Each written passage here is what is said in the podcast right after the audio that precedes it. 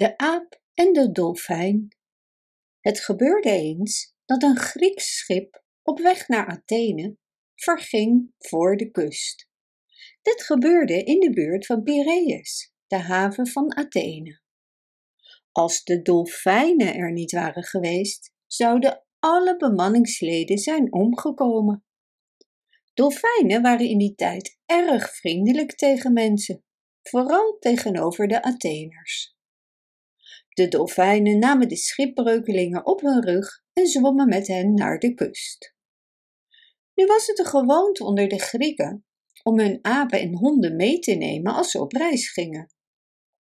Dus toen een dolfijn een aap in het water zag, dacht hij dat het een man was.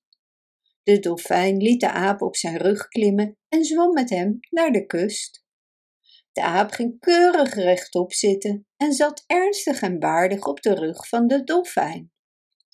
Jij bent een inwoner van de beroemde stad Athene, nietwaar? vroeg de dolfijn beleefd. Ja, antwoordde de aap trots. Mijn familie behoort tot de edelste families van de stad. Inderdaad, zei de dolfijn. Dan ga je natuurlijk ook vaak naar Piraeus. Ja, ja, antwoordde de aap.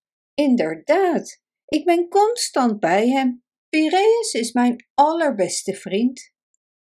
Dit antwoord verraste de dolfijn, en toen hij zijn hoofd omdraaide, zag hij wat hij op zijn rug droeg.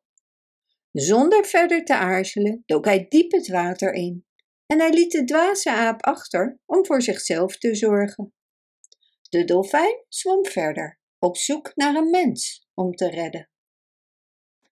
Bedankt voor het luisteren. Wist je dat je dit verhaal ook op onze website ririro.com/nl kunt lezen, downloaden en printen?